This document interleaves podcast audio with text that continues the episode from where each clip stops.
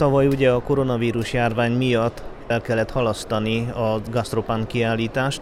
Ez a járványhelyzet mennyire érintette hátrányosan a szervező munkát, illetve meglátszik-e mondjuk a résztvevők számán? Jakab Boróka, a kiállítás igazgatója. A pékcukrász, valamint a vendéglátóipar egy nagyon gyorsan fejlődő szakmát jelent, és az itt dolgozó szakemberek minden évben nagyon készülnek a kiállításra. A 2020-as halasztás egy nagy űrt hagyott szakmai szinten, és ezért nagyon készült mindenki belföldről, de külföldről is, hogy részt vehessen az idei eseményen. A gasztropán kiállítás Dél-Kelet-Európa legjelentősebb sütőipari, cukrászati és vendéglátóipari szakmai kiállítása. Világszintű nemzetközi beszállító cégek találkoznak itt számos látogatóval. Három kiállítási teremben, összesen 6000 négyzetméteren, kinti és benti kiállítási felületeken több mint 82 kiállító vár várja a szakmai látogatókat. Versennyel is készültünk. A szakma legrangosabb versenyei kerülnek itt megrendezésre.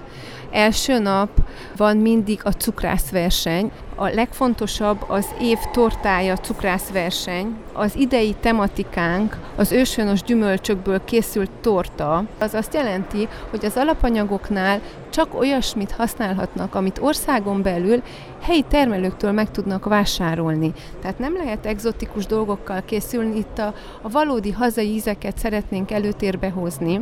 Nemzetközi zsűri fogja elbírálni a nyertes cukrász, publikálni fogja a torta receptjét azért, hogy más romániai cukrászda is el tudja készíteni az év tortáját, és így tudja promoválni a termékét. Szintén első nap kerül megrendezésre a művészi alkotás cukorpasztából kategória, ahol a téma a világ csodái. Második nap vannak a pék kategóriás versenyek. Itt a legnépszerűbb az év kenyere verseny. Itt két fontos kategória van. Az egyik, amivel az ipari módon gyártott kenyereket fogják zsűrizni, itt nagyipari pékségek neveznek be. Jellemző Romániára, hogy azok a nagyipari pékségek, akik versenyezni szoktak, egy éven keresztül új technológiákat fejlesztenek, hogy tudják ezt a neves díjat elnyerni, mert ők utána egy éven keresztül ezzel népszerűsítik a terméküket. Az év kenyerének a másik kategóriája az év kézműves kenyere. Sok kisebb méretű kézműves pékség van, ahol kisebb mennyiségben gyártanak nagyon minőségi termékeket. Olyan pékségek neveznek be, akik 150 kilót gyártanak egy nap, maximum, és a tematikája a kézműves kenyérnek a jelenlegi táplálkozási irányozatoknak megfelelő kenyerek és pérktermékek reggelire. Valamint a második napnak a harmadik legfontosabb versenye a péksütemények kategória, és itt egy nagyon aktuális tematikával készülnek, péksütemények gluténérzékeny gyermekek számára. Váradi János, a Gastropán társ főszervezője. Hát a Gastropán kiállításnak a legfontosabb üzenete az, hogy itt megtalálják azokat az új technológiákat, amivel tud fejlődni. Ma nincsen szakember, ezért nincs más lehetőség, mint hogy gépesíteni azokat a technológiai folyamatokat, amit eddig emberek csináltak. Egyre kevesebb a szakember, egyre kevesebb, aki dolgozni akar. Ugye ebben a szakmában éjszaka, vasárnap, minden nap kell dolgozni. A gyártók elsősorban arra koncentrálnak, hogy próbálják az élő munkát kiváltani, ezek a díjak, jutalmak, amelyek a Gastropán kiállításon hagyományos módon kiosztásra kerülnek, mekkora presztízsű jutalmak? Azzal a célra hoztam létre, hogy aki új terméket hoz létre a piacon, megjelenik vele a versenyen, és csak kap egy évkenyere díjat, legtöbb díjazót feltette az autójára. Azt mondja, én voltam x évben az évkenyere gyártója. Ez egy bizalmat jelent a vevő fele, jé, ez az ember az az évkenyerét gyártotta, biztos jó. Tehát neki, aki díjazott lett, szinte minden évben megnőtt a forgalma. A koronavírus járvány egyik velejárója volt ez az energia, illetve alapanyag áremelkedés. Mennyire érzi ezt meg a szakma? Szinte minden alapanyagnak az ára nőtt. A kollégákkal beszélgetve azt tapasztaltam, hogy a kb. 10%-os áremelésre számítatnak. Energiár, gázár, minden emelkedik az ára, tehát nem lehet tudni azt, hogy ez hova fog vezetni. Egy átmeneti állapotban forrong az egész szakma.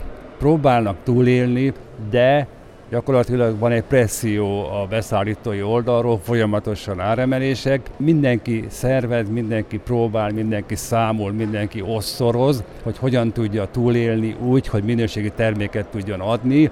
Nagyon fontos lenne az oktatás helyreállítása Romániában, nagyon kevés helyen képednek péket és cukrászt. Nagyon-nagyon fontos lenne az állam részéről az, hogy újra a szakiskolákat erősítse, és a szakiskolának a rangját helyre tegye. Hogyha újra lenne rangja, hogy valaki cukrász vagy pék, és abból mi jól meg tudna élni, akkor valószínű, hogy a fogyasztó is mindenki jól járna ezzel.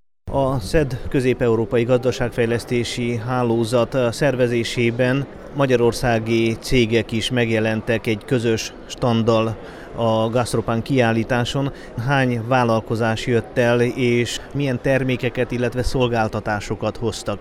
Csík László, a CED ügyvezetője. 120 négyzetméteren 10 céggel jelenünk meg, és az itt ma megjelenő vállalkozások igazán nagy lépést tettek annak érdekében, hogy a pandémia által elvesztett piacaikat újra visszaszerezzék, fejleszék, az itt jelenlévő tíz vállalkozás igen széles körű, többféle iparágban dolgozik, de teljes körűen megjelennek különböző élelmiszeripari adalékanyaggyártók, készterméket gyártók, pékipari és cukrászipari terméket gyártó cégek is. Mindenféle iparág, mindenféle cég termékeit igyekszünk exportra segíteni. 23 irodát üzemeltetünk a környező országokban, ebből nagyon fontos itt Romániában 7 irodát, és Aradon is üzemeltetünk egy irodát, és ezeknek, ahogy az előbb említettem, minden tevékenysége arra kell, hogy kihasson, hogy végül magyar termékeket értékesítsenek a környező országokban, plusz Csehországban, Lengyelországban és most már Olaszországban is. A Gastropán kiállítás szerdán és csütörtökön 10 és 18 óra között látogatható az Aradi Expón.